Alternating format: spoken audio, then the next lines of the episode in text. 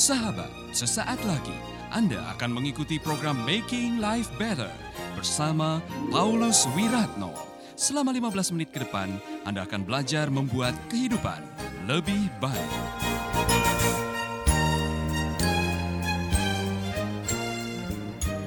Baik Bapak Ibu kita akan kembali membaca Mazmur pasal yang ketiga.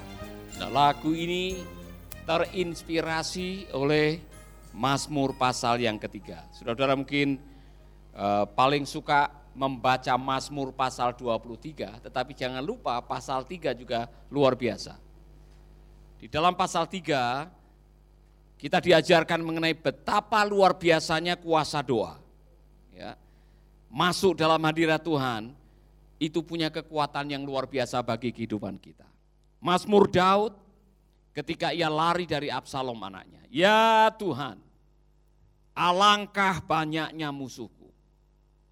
Sangat banyak yang menyerang aku. Ada banyak yang berkata bahwa Allah tidak mau menolong aku. Tetapi engkau ya Tuhan adalah perisai yang melindungi aku. Kau beri aku kemenangan dan kau besarkan hatiku. Aku berseru kepada Tuhan dari bukitnya yang suci, ia menjawab aku. Aku berbaring dan tidur dengan tentram. Dan bangun lagi sebab Tuhan menopang aku. Aku tidak takut kepada ribuan lawan yang mengepung aku dari segala jurusan. Selamatkanlah aku ya Tuhan Allahku, hukumlah dan lumpuhkanlah semua lawanku. Dari engkau datang pertolongan. Ya Tuhan, sudilah memberkati umatmu. Saudara-saudara pernah saudara mengatakan seperti Daud? Ya Tuhan, alangkah banyaknya musuhku. Dalam terjemahan saudara mungkin dikatakan, Ya Tuhan, betapa banyaknya lawanku. Banyak orang yang datang menyerang aku. Anda dalam hidup ini akan diizinkan oleh Tuhan menghadapi kenyataan, ketemu dengan orang, ketemu dengan situasi yang di luar kemampuan saudara untuk mengontrolnya. Saudara sudah berbuat baik, sudah melakukan yang terbaik, sudah berusaha yang terbaik, tetap saja keadaan tidak berubah. Saudara akan mengalami itu. Apa yang harus kita lakukan? Kalau saudara sudah berusaha yang menjadi yang terbaik, tetap ada salahnya, tetap ada kurangnya keadaan, tetap aja berlawanan dengan keinginan Anda, apa yang harus saudara lakukan? Bunuh diri tidak menyelesaikan. Marah-marah tidak menyelesaikan. Apa yang bisa saudara lakukan? Masuk dalam hadirat Tuhan. Itu yang dilakukan oleh Daud. Dan dia apa? Curhat kepada Tuhan. Ya Tuhan, betapa banyaknya lawanku. Mungkin saudara bisa ganti. Ya Tuhan, betapa banyak kebutuhanku. Ya kan? Ya Tuhan, betapa banyaknya masalahku. Ya Tuhan, betapa banyaknya pergumulanku. Saudara mungkin curhat kepada Tuhan. Maka saya mengatakan, Roh Kudus datanglah saat aku menyembah. Karena waktu kita datang kepada Tuhan dan kita masuk dalam hadiratnya. Dengar, doa memang tidak langsung bisa mengubah keadaan, tapi doa bisa mendatangkan ketenangan. Katakan, doa memang tidak selalu mengubah keadaan. Tapi doa bisa mendatangkan ketenangan. Jadi saudara-saudara belajarlah dalam hidup ini ketika semua orang, semua situasi seolah-olah memusuhi saudara, menjadi lawan saudara. Ingat masih ada Tuhan yang menyertai saudara. Haleluya. Amin.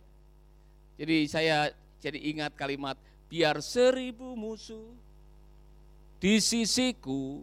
Kemudian tet, engkau tetap Allah. Banyaknya musuh, banyaknya persoalan, banyaknya kesulitan tidak mengubah kenyataan bahwa Allah adalah Allah yang setia.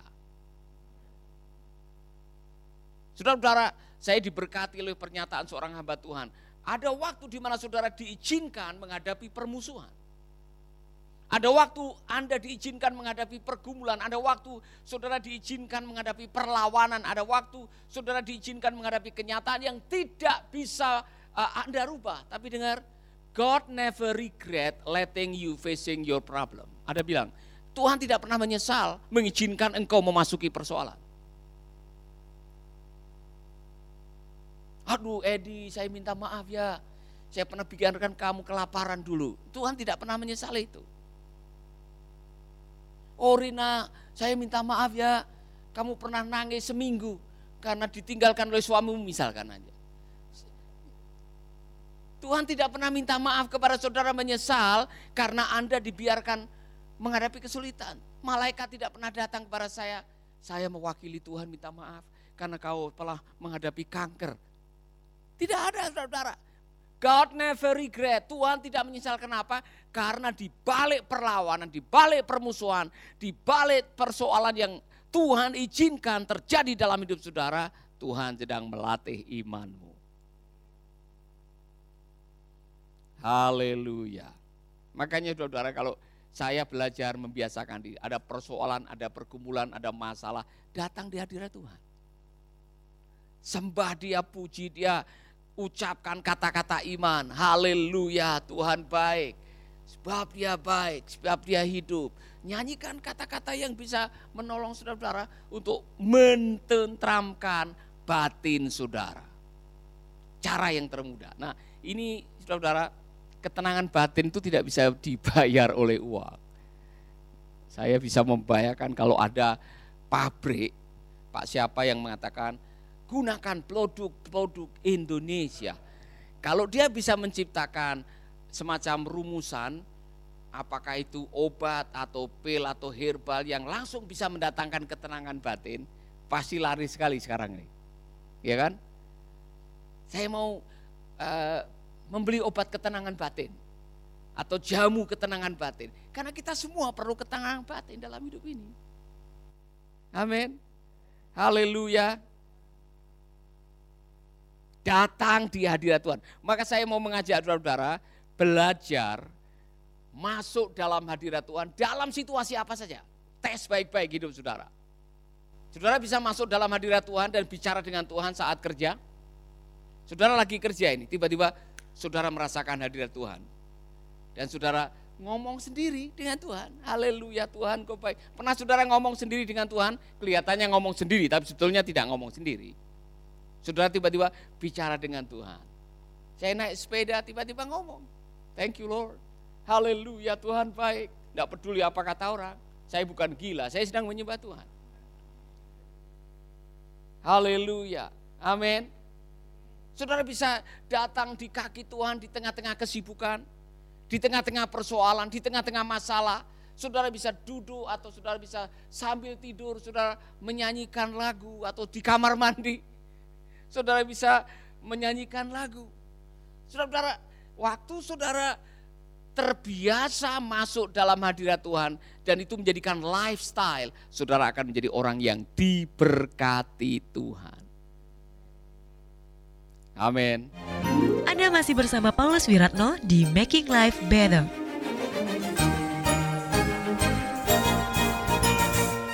Masih ingat cerita saya yang pulang dari jualan tas Alkitab. Kemudian saking senengnya karena tas Alkitab dibeli semua oleh toko buku Bitania di Semarang. Oh saudara-saudara, saya pulang dari toko itu nyanyi. Ya kan? Nyanyi sambil naik sepeda, haleluya Tuhan luar biasa. Lagi nyanyi. Tiba-tiba ada orang yang meludah dari mikrolet. Huh, langsung kena muka saya. Tidak mungkin saya mengumpat orang itu. Saya lagi nyanyi. Saya lagi menyembah Tuhan. Saya lagi mengatakan kunaikan syukur padamu. Kurang ajar, enggak mungkin saudara.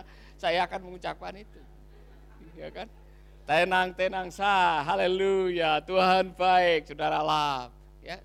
Hati kita yang lagi dikuasai pujian tidak bisa langsung dalam waktu yang sama mengumpat orang. Amin. Sering-seringlah datang di hadirat Tuhan. Haleluya. Ada banyak hal yang saudara tidak bisa uh, merubah saat itu, tapi saudara bisa merubah suasana hati. Yang kedua, ini cara yang paling mudah saudara bisa masuk dalam hadirat Tuhan adalah mengucapkan kata-kata iman. Nah, saya mau melatih saudara-saudara untuk mengucapkan kata-kata iman karena ini pengaruhnya luar biasa. Waktu saudara bisa mengucapkan kata-kata iman, saudara sedang menguatkan kembali kondisi rohani saudara. Tetapi engkau Tuhan, engkau adalah perisaiku. Engkau adalah kemuliaanku. Di dalam terjemahan sehari-hari agak berbeda dengan terjemahan saudara. Di dalam terjemahan sehari-hari mengatakan, tetapi engkau ya Tuhan adalah perisai yang melindungi aku. Kau beri aku kemenangan dan kau besarkan aku. Nah saudara ada dua kata, kau dan aku. Ucapkanlah kalimat-kalimat kau, aku, kau, aku yang bisa menolong saudara menguatkan iman dalam situasi yang sulit dalam kehidupan. Tuhan, ini pengakuan saudara. Buatlah pengakuan-pengakuan. Engkau adalah kecukupanku. Tuhan, Engkau adalah sukacitaku. Tuhan, Engkau adalah kekuatanku. Tuhan, Engkau adalah penyembuhku. Amin. Coba saudara pilih salah satu. Satu kalimat yang merupakan sebuah kalimat iman yang sedang Anda perlukan saat ini untuk menguatkan situasi hati Anda. Tuhan, Engkau adalah perlindunganku. Dari apa? Omikron. Jadi apa yang Anda ucapkan mungkin tidak bisa mengubah suasana di sana, tapi sedang menguatkan hati saudara. Amin. Marcel, engkau kau punya itu ucapan Tuhan kau adalah titik-titik titik. Tuhan kau adalah kekuatanku. Amin. Susi, ada enggak saat ini? Engkau adalah penolongku. Tuhan kau adalah penolongku. Purina, engkaulah perisaiku, kenapa pilih perisai? Ya, ya ikut-ikutan Daud. Udah. Haleluya, Pak Roni. Engkau sanggup menolong aku. Edi, Tuhan adalah penolongku. Amin. Tidak ada yang mengatakan, Tuhan kau adalah Jehovah Jirehku. Tuhan yang mencukupkan aku. Tuhan kau adalah sumber atau perlindunganku. Engkau adalah Tuhan yang menjadi sumber kekuatanku. Saudara-saudara, ucapkan kata-kata itu sebagai sebuah pengakuan sehingga walaupun musuh masih ada di sekitarmu, Daud mengatakan musuh masih ada di sekitarnya, tapi ada ketenangan yang dia rasakan. Semakin banyak pengakuan Anda tentang siapa Tuhan Anda, semakin banyak manfaat Anda uh, dari ucapan-ucapan yang saudara ucapkan itu bisa menenangkan hati saudara. Haleluya. Buat saya sekarang ini Tuhan, Engkau adalah kecukupanku. Engkau adalah Tuhan Jehovah Jirehku. Saya tidak tahu bulan depan bagaimana, dua bulan yang akan datang bagaimana.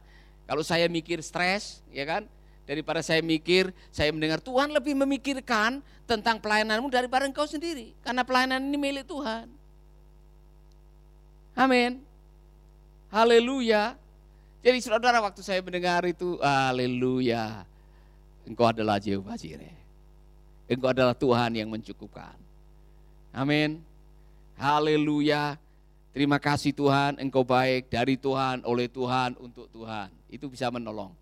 Nah mari kita akan melihat kondisinya Daud dan apa yang dia ucapkan. Yang pertama dia mengatakan Tuhan kau adalah perisaiku karena ada kebutuhan.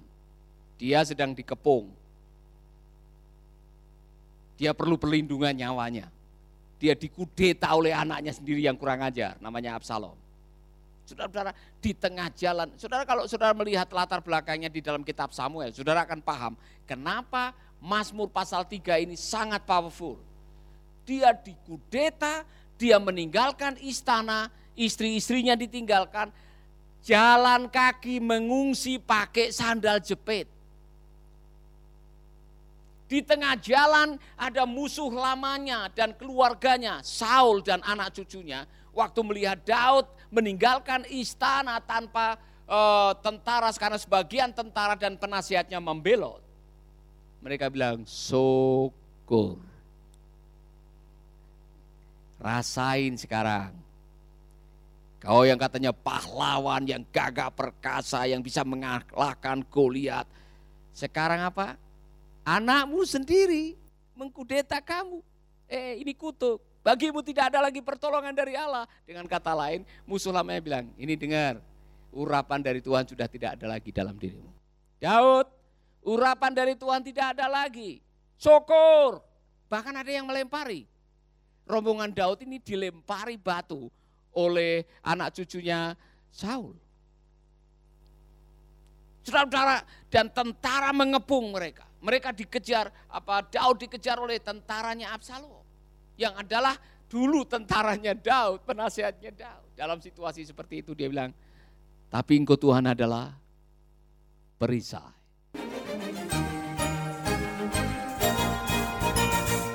Sahabat, Anda baru saja mendengarkan Making Life Better bersama Paulus Wiratno. Jika Anda diberkati, kirimkan kesaksian Anda ke Radio Dian Mandiri, Jalan Intan LC2, Gang 4, Nomor 1, Denpasar, Bali. Kunjungi website kami di pauluswiratno.com, Facebook Paulus Wiratno. Hubungi kami di 0811 3901 144 dan 0811 3901 140. Sekali lagi 0811 3901 144 dan 0811 3901 140.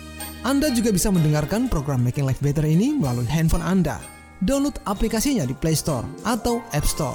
Sahabat, Mari dukung program Making Life Better ini melalui rekening BCA 6690300525. Sekali lagi, rekening BCA 6690300525 atas nama Wiratno. Terima kasih, Tuhan Yesus memberkati.